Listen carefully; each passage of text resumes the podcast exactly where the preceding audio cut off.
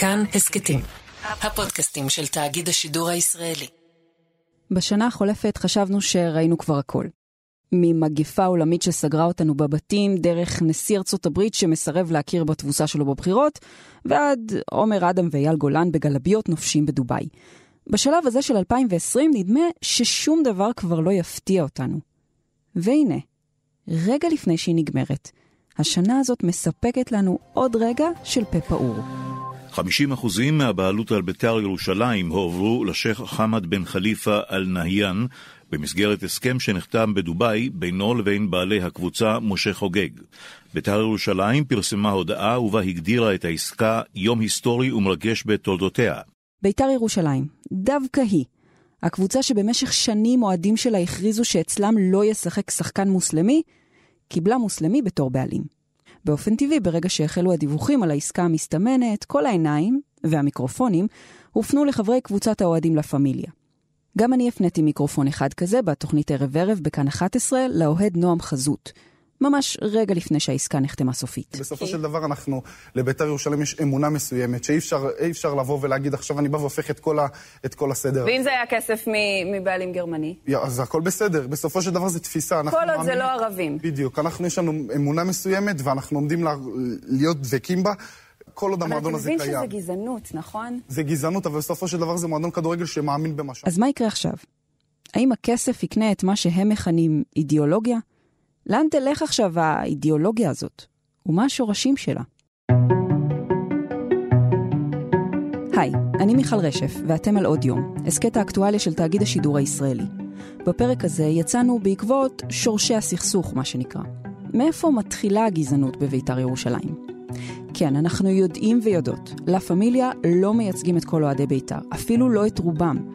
אבל איך יכול להיות שקומץ אחד, קטן יחסית, של אוהדים, הצליח לעשות כל כך הרבה רעש ולפעמים גם להשפיע על קבלת ההחלטות בקבוצה?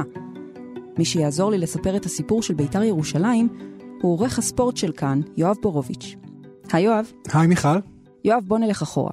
ממש לשורשים של הקבוצה הזאת. איפה מתחיל המפעל הזה שנקרא בית"ר ירושלים? בית"ר ירושלים הוקמה, מיכל, בשנת 1936 על ידי דוד הורן, שהוא ראש ארגון בית"ר בעיר ירושלים, וחברו אליו אה, בחורים צעירים, נחושים, בני 18, מרביתם חברים באצ"ל, בלח"י, בתנועה הרוויזיוניסטית, כלומר אנשי ימין מאוד מאוד אידיאולוגי, והם הקימו את קבוצת הכדורגל הזו. בית"ר ירושלים בהתחלה היא בכלל נקראתה המנורה. והם התחילו לשחק אה, מול קבוצות ערביות דווקא, קבוצות בריטיות בסביבה. כמובן הקבוצה עוד לא הייתה בכלל אה, מקצוענית. מההתחלה העמדה הפוליטית של השחקנים הייתה גלויה. כולם כאמור אנשי מחתרות שרצו להעיף את הבריטים מארץ ישראל. הכדורגל היה חשוב כמובן, אבל המדינה יותר. אחרי כמה חיכוכים בין חברי הקבוצה לבריטים, ופיצוץ בניין הבולשת הבריטית בירושלים, שחקני בית"ר נעצרו ונשלחו לגלות באריתריאה. אלא מה? אפשר להוציא את השחקנים מהמגרש, אבל אז הם פשוט מצאו מגרש אחר. השחקנים הגולים של בית"ר הקימו קבוצת כדורגל בתוך בית המעצר הבריטי. בית"ר אריתריאה הם קראו לה. שיחקו נגד השומרים הבריטים. ב-1946 הם הצליחו לברוח, וב-48 עם קום המדינה הם כבר חזרו הביתה. אז כן, בשני העשורים הראשונים לאחר קום המדינה, בית"ר ירושלים היא קבוצה יחסית קטנה, משחקת כמעט בכל השנים בליגת המשנה, אז למעשה עד שנות ה-70 בית"ר באמת הייתה קבוצת משנה, בלי יותר מדי אוהדים ברחבי המדינה. 30 שנה אחרי שהוקמה, מגיע המפץ הגדול של בית"ר. בית"ר ירושלים של שנות ה-70 למעשה יצרה מציאות חדשה. ומי שבישר את המציאות הזו היה אורי מלמיליאן. עכשיו מלמיליאן, וכדור ראשון ושער! מלמיליאן מקבל את הכדור בלי לעצור ויורה אותו חד וחלק וסוגר עניין.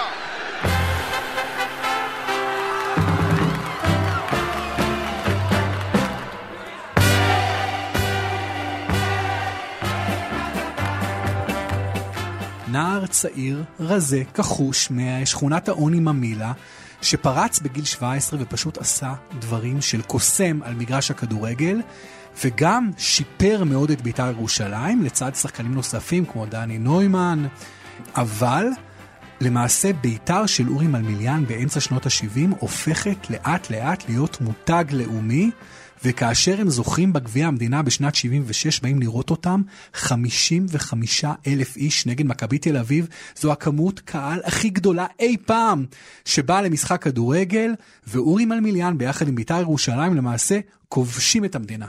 יואב, מי מנהל אותם בשנים האלה? באותן שנים מנהלים אותם כל מיני פוליטיקאים אפילו. רובי ריבלין היה יושב ראש של בית"ר ירושלים, וכמובן היה גם אה, אחד יושבי הראש היה חיים קורפו, ממקימי, ממייסדי הקבוצה, לימים שר התחבורה בממשלת מנחם בגין. בית"ר הייתה קבוצה שמאוד מזוהה עם החירות, מאוד מזוהה בסופו של דבר גם עם הליכוד, עם מפלגת השלטון, כמובן המהפך של 77, שגם סייע לבית"ר ירושלים לפרוץ למרכז הבימה. בשנות ה-80, בנוסף לאורי מלמיליאן הגדול, מגיע עוד נער ממחלקת הנוער, יפה תואר, כריזמטי, חלוץ פשוט אדיר. אוחנה מנסה לעלות על הכדור הזה, כן, הזדמנות! אלי אוחנה! כן! אלי אוחנה, שמתחיל בתחילת שנות ה-80, והוא הופך אפילו לכדורגלן, אולי, אם זה בכלל אפשרי, יותר פופולרי ואהוב מאורי מלמיליאן. אז בית"ר ירושלים מביאים את ההישג הגדול ביותר של בית"ר בתולדותיה בעונת 86-87, אליפות היסטורית. בית"ר על הגל. יש לה את השמות הגדולים, את התארים, פוליטיקאים בכירים ביציעים והרבה אוהדים שצועקים בכל שבת יאללה בית"ר. בשנים הגדולות ההן, בית"ר מזוהה עם הימין הממלכתי של הליכוד. אמנם שחקנים ערבים לא השתלבו בה, אבל הם גם לא השתלבו בשאר הקבוצות היהודיות, נקרא לזה כך. בכל מקרה, היא לא זוהתה או זיהתה את עצמה גזענית. ההצלחה הזאת המשיכה גם לעשור הבא. שנות ה-90 היו מבחינה מקצועית, מיכל, שנים נהדרות של בית"ר ירושלים. היא זכתה בשלוש אליפויות, היא שיחקה כדורגל מרהיב, הכי יפה בתולדותיה. בית"ר כבר הייתה מותג כלל ישראלי עם אוהדים בכל רחבי המדינה, והיופי היה שבית"ר תמיד שיחקה כדורגל אטרקטיבי. היא ייצגה את הכדורגל היפה. שנות ה-90 היו טובות לירושלמים על המגרש. אבל קשות מאוד מחוצה לו. פתאום אני שומע מצד שמאל שלי פיצוץ, אש מול העיניים, זהו, תוהו ובוהו, מה שאתם רואים. מדובר בשני פיצוצים שהיו אה, די סמוכים, בשני מקומות אה, לא מרוחקים, במרכז שוק מחנה יהודה. כל מחבל נשא על גופו מטען נפץ בין כעשרה קילוגרמים. אנשי מגן דוד אדום וכוחות המשטרה... שנות התשעים היו שנים מאוד קשות מבחינת פיגועים, בעיקר בירושלים. באחד הפיגועים אפילו אה, מת אה, אחיו של אחד מכוכבי הקבוצה. הקבוצה איתן מזרחי. פתאום מה שקרה ביציעים בשנות ה-90 החל להיות דבר שונה.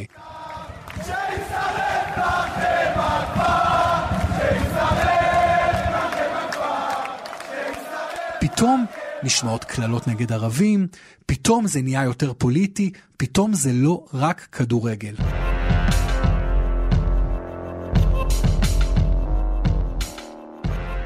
יואב, מתי מנסים בפעם הראשונה להביא שחקן ערבי לקבוצה?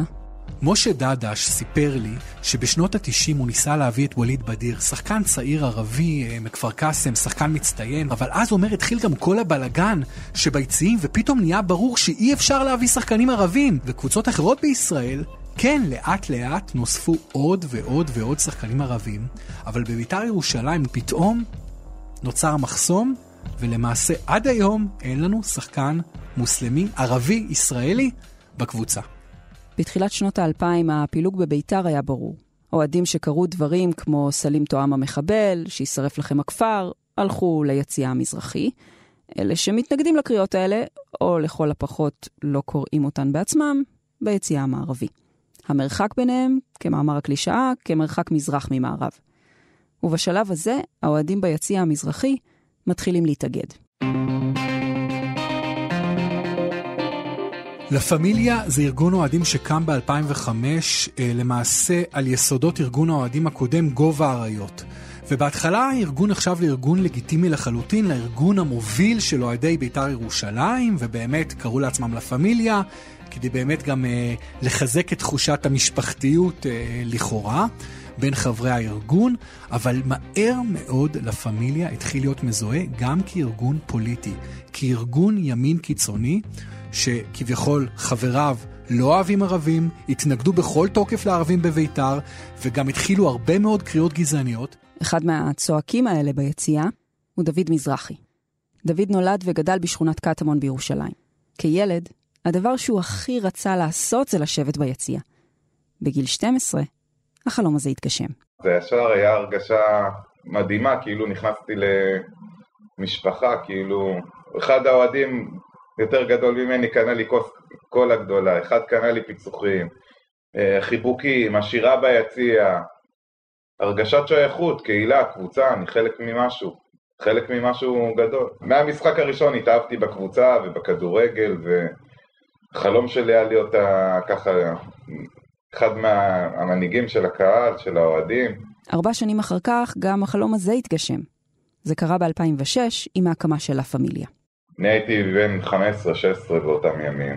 כמה חודשים אחרי שהארגון קם אני כבר uh, התחלתי להגיע לאיצטדיון וקניתי את הקפוצ'ון של הארגון עם האלף, אלף לה פמיליה ובככה היינו מארגנים את התופים ואת הדגלים ואת האביזרי עידוד והתחלנו לייצר את הכרטיס חבר ארגון. כל אוהד שרוצה שיהיה לו כרטיס חבר ארגון ב-50 שקלים, uh, כמו כרטיס קופת חולים, uh, כרטיס חבר ארגון, ככה כל שנה.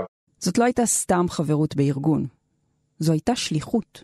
אנחנו היינו חוד החנית של אוהדי בית"ר ירושלים. אולי הילדים הדחויים, הילדים האלה שלא היה לנו תנועת נוער, שלא חיבקו אותנו בשום מקום, ואנחנו החלטנו להתאחד ולהתחבר ביחד באצטדיון. ראיתי בזה תנועת נוער, כמו שילד הולך לב... לצופים כל שבוע, אחד הולך לבני עקיבא, אני תנועת נוער, חי משבת לשבת. זה ממש כאילו הרגיש לי הדבר הכי, הכי נכון והכי טוב, וזה נתן לי הרבה. דוד היה אוהד שרוף. מגיע לכל המשחקים, יושב ביציאה המזרחי וצועק את מה שכולם צעקו. היו קללות קודם כל אה, מוות לערבים, אה, שלא רוצים אה, שחקן ערבי במועדון. היה, אני זוכר בתור ילד, שירי הלל ליגאל עמיר, שירי עם, על, על המוות של יצחק רבין. וזה השירים ש... שגדלתי לתוכם, זה השירים שאת האמת אה, גדלתי איתם ביציאה. ליגה, ליגה, ליגה לאביב!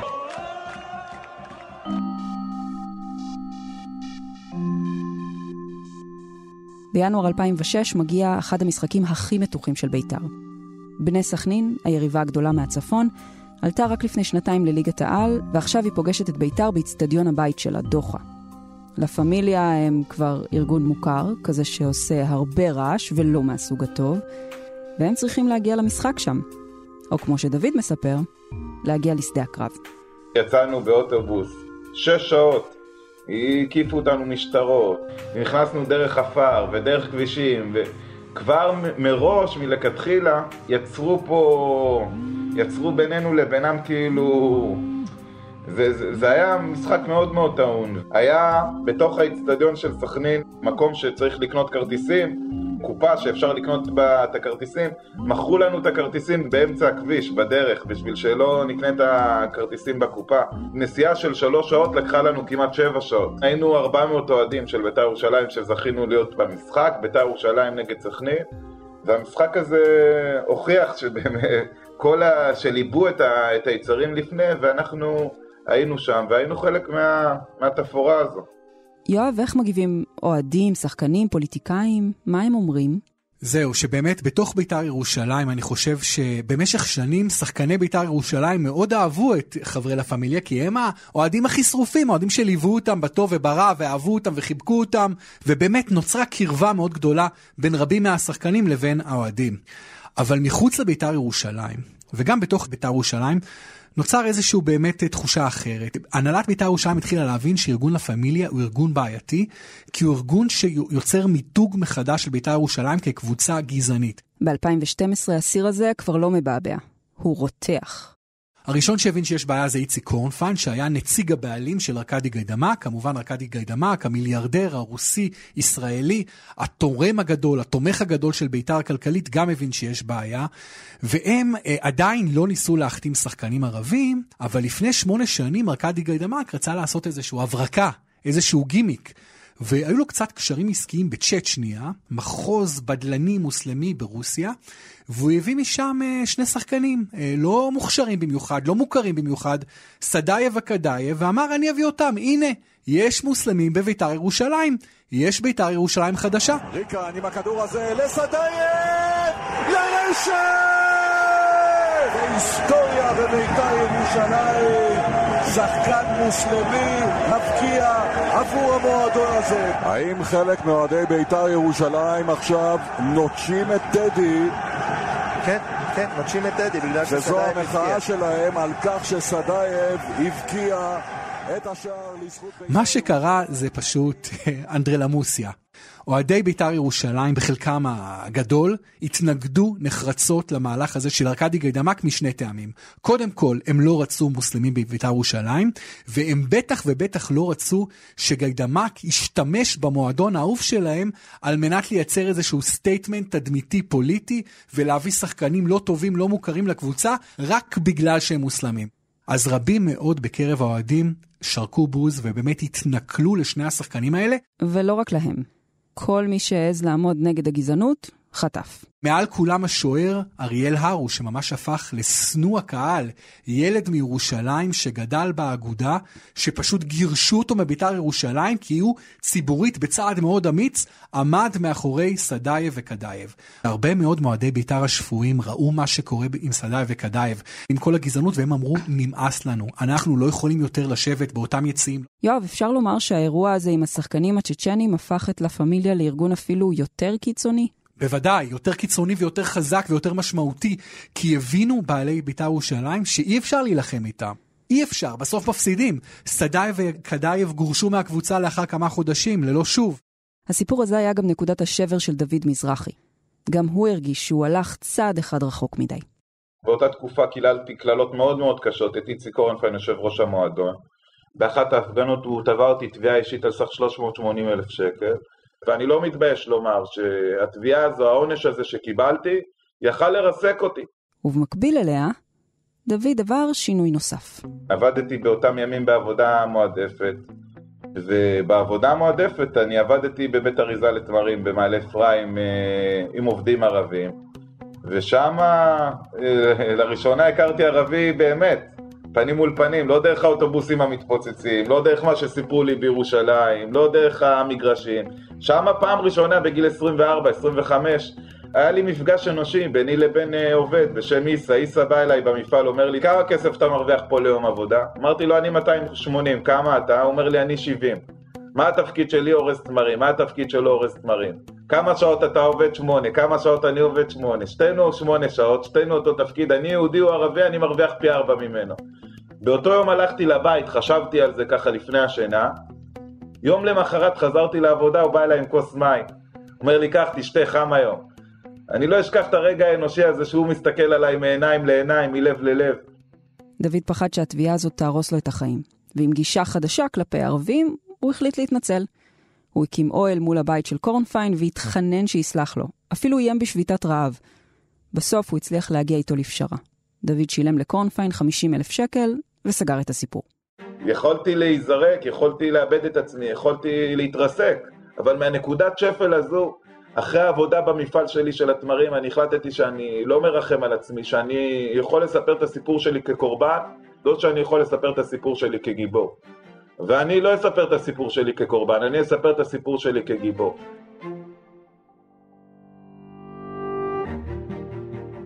דוד מזרחי עשה שינוי עצום בחיים שלו. הוא ממש מגדיר את זה לידה מחדש. אבל לה פמיליה המשיכה גם בלעדיו, ובעלי הקבוצה ידעו שהם בבעיה. כל בעלים אחרי גיידמק כבר רצה להיפטר מביתר בגלל הדבר הזה. אני לא אשכח דבר שאמר לי איציק קורנפיין, יושב ראש הקבוצה. היה לו, היה חבר אישי מאוד קרוב של אבי גבאי, לימים ראש מפלגת העבודה, מנהיג מפלגת העבודה, אבל לפני זה מנכ"ל בזק. אבי גבאי, בחור ירושלמי, אוהד שרוף של ביתר, שאמר לאיציק קורנפיין, תקשיב, אני לא יכול לשים את השם בזק על החולצה גם בחינם, ואני אוהד שרוף של ביתר ירושלים, אבל אי אפשר לשים את השם המותג על... על בית"ר ירושלים כיוון שהתדמית היא כל כך שלילית, כל כך גזענית, ואיציק קורנפיין ניסה להביא ספונסרים ולא הצליח. כלומר, כולם רצו להתרחק מהקבוצה הזו שנוצרה לה תדמית כל כך שלילית. וכאן בדיוק הבעיה. ארגון לה פמיליה צבע את בית"ר. בשנת 2014 קבוצה של אוהדים כבר לא התנערה רק מהיציאה המזרחי, אלא מהקבוצה כולה. התשובה שלהם לגזענות הגיעה בהקמת קבוצה משלהם בירושלים, בית"ר נורדיה. קבוצה ירושלמית שאין לה בעיה להחתים שחקנים ערבים. היא משחקת כרגע בליגה א'. בעשורים האחרונים כשמדברים על בית"ר ירושלים, מדברים יותר מדי פעמים על גזענות ופחות מדי על הצלחות במגרש. וכמו שיואב אומר, זה גם עולה להם כסף. לתוך האווירה הזו והמצב הכלכלי הזה, נכנס ב-2018 הבעלים מחדש של הקבוצה, איש העסקים משה חוגג. גם משה חוגג בסופו של דבר צריך כסף. והוא הבין שבישראל מספונסרים מקומיים הוא לא יכול כמעט להכניס כסף למועדון. וההוצאות של המועדון מאוד מאוד כבדות, עשרות מיליוני שקלים בשנה. בטח אם רוצים קבוצה תחרותית מצליחה, וביתר של משה חוגג היא לא קבוצה מצליחה. ביתר בשנים האחרונות היא קבוצה כושלת, למרות שמשקיעים בה עשרות מיליונים. אז משה חוגג, באה לו תובנה, והוא ממש זכה ב- בלוטו. הוא הצליח לגייס עשרות מיליונים, אולי זה יהיה בסוף מאות מיליונים, מהשייח בן חליפה באיחוד האמירויות, אבל בתנאי שהשייח בן חליפה יהיה שותף שווה זכויות למשה חוגג, 50-50 בבעלות על הקבוצה. אפשר להניח, יואב, שבלה פמיליה לא ידעו איך לאכול את העסקה הזאת. אוהדי לה פמיליה, חברי לה פמיליה, מאוד מאוד לא אהבו את הדבר הזה. הם מיד הפגינו לפני שבועיים באימון, פיצצו את האימון, הפסיקו את האימון של בית"ר ירושלים, קללות גזעניות כלפי ערבים, קללות כלפי חוגג, קללות ואיומים כלפי שחקנים. מבחינת לה פמיליה הם לא מרוויחים כסף. ולהם יש אידיאולוגיה מסוימת, אידיאולוגיה שרבים מחשיבים כמאוד פסולה, אבל יש להם את האידיאולוגיה הזו. רבים מהם רוצים את בית"ר טהורה לעד. ונכון, זה מונח גזעני, אבל מבחינתם היא טהורה כל עוד שלא יהיו בה ערבים. ומבחינתם ערבים מטמאים את סמל המנורה ואת המועדון, וזה בלתי נתפס, המחשבה הגזענית הזו שקונה כזו אחיזה בקרב רבים כל כך. לה פמיליה מצאו את עצמם בדילמה. איך אפשר להכיל מוסלמי בתור בעלים? אז מסתבר שאפשר. הם אמנם הגיבו בזעם, אבל לעומת מה שראינו מהם בשנים האחרונות, זה היה זעם מרוכך יחסית. הנה, זוכרים את נועם חזות? האוהד שהתנגד לעסקה עם האמירויות? ובכן, חמישה ימים אחרי הראיון הזה, הוא כבר ניגן מנגינה שונה. אני עד עכשיו לא חשבתי שערבים צריכים לשחק בבית"ר, אבל אחרי ששמעתי ועברתי וקראתי את כל מה שהיה מאחורי העסקה, בסופו של דבר זה, הדבר הזה עושה רק טוב לבית"ר. זה עניין... יואב, לסיכום, יש סיכוי שנראה בזמן הקרוב שחקנים ערבים בקבוצה? אני אה, מאוד הייתי רוצה לומר שכן, אני קצת פסימי אם, אם זה יקרה בקרוב, בגלל שאנחנו רואים, והייתי באימון לפני כמה ימים וראיתי איזו אלימות ואיזו שנאה יש רק כלפי הבעלים הערבים, וכלפי היהודים, חוגג, ואנשיו שמקבלים אותם בזרועות פתוחות. אז כשאת רואה את האיבה כלפי מהלך כזה של בעלות, על כר הדשא זה אפילו יהיה יותר דרמטי. חוגג יודע את זה, חוגג חושש מזה, ולכן הוא רוצה לעשות את כל התהליכים האלה בהדרגה. לכן יכול להיות שייקח זמן, אולי אפילו שנה, שנתיים, לפני שנראה ערבי בביתר ירושלים. עשיתי פרויקט בעיתון הארץ, פרויקט ענק, ואמרתי, תוך שנה, שנתיים בטוח יהיה ערבי. טעיתי, כבר חלפו כמעט חמש שנים. אבל עדיין אני חושב שבגלל שיש ערבים עכשיו בביתר ירושלים בבעלות, והם יבוא היום שהם, אני חושב, ידרשו שחקנים ערבים, ובגלל שהאקלים משתנה, אנשים כבר מתחילים להבין עד כמה הדבר הזה פגום ופסול, אני חושב שכן נראה ערבים אה, בביתר ירושלים, ואז באמת נראה את ההיסטוריה מתרחשת. זה יכול להיות מהלך שהוא מהלך הרבה מעבר לכדורגל, זה יכול להיות באמת מהלך שייצר פה דרך אה, שונה ודרך חברתית שונה, בטח בירושלים. זה לא אומר שזה מוותר על האידיאולוגיה ועל ערכים, אני עדיין מניח תפילין, אני עדיין שומר מסורת, אז אני עדיין שומר את הזהות שלי. זה שמביאים, יביאו מוסלמי למועדון, זה לא אומר שאנחנו נוותר על מי שאנחנו ומה שאנחנו. מועדון בית"ר ירושלים זה קודם כל כדורגל, היום הבנתי. זה קודם כל ספורט, זה קודם כל אהבה, זה לא חייב להיות דת. ביתר טהורה לעד כבר לא בטוח בכלל. וזה לא בגלל שהאוהדים הבינו שגזענות זה לא מוסרי. אם לא יהיה ערבי בביתר, אולי לא תהיה ביתר. נכון לעכשיו נראה שאינטרסים כלכליים מצליחים במקום שבו המוסר והפוליטיקה נכשלו. או לפחות לא התאמצו מספיק. אבל מי יודע? אולי בעוד כמה שנים חמד בן חליפה יחליט שנמאס לו והוא מוכר שוב את הקבוצה, ועם כסף חדש, אולי יגיעו גם אידיאלים חדשים.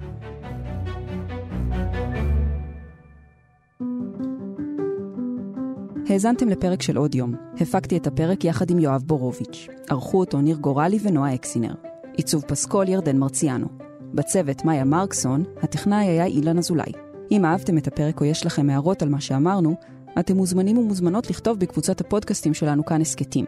תוכלו לכתוב גם בדף של כאן חדשות בפייסבוק, או בחשבון שלי מיכל רשף בפייסבוק או בטוויטר. הסכתים נוספים מבית כאן חדשות תוכלו למצוא באפליקציית הפודקאסטים האהובה עליכם, באתר שלנו וגם בספוטיפיי. אני מיכל רשף, נשתמע.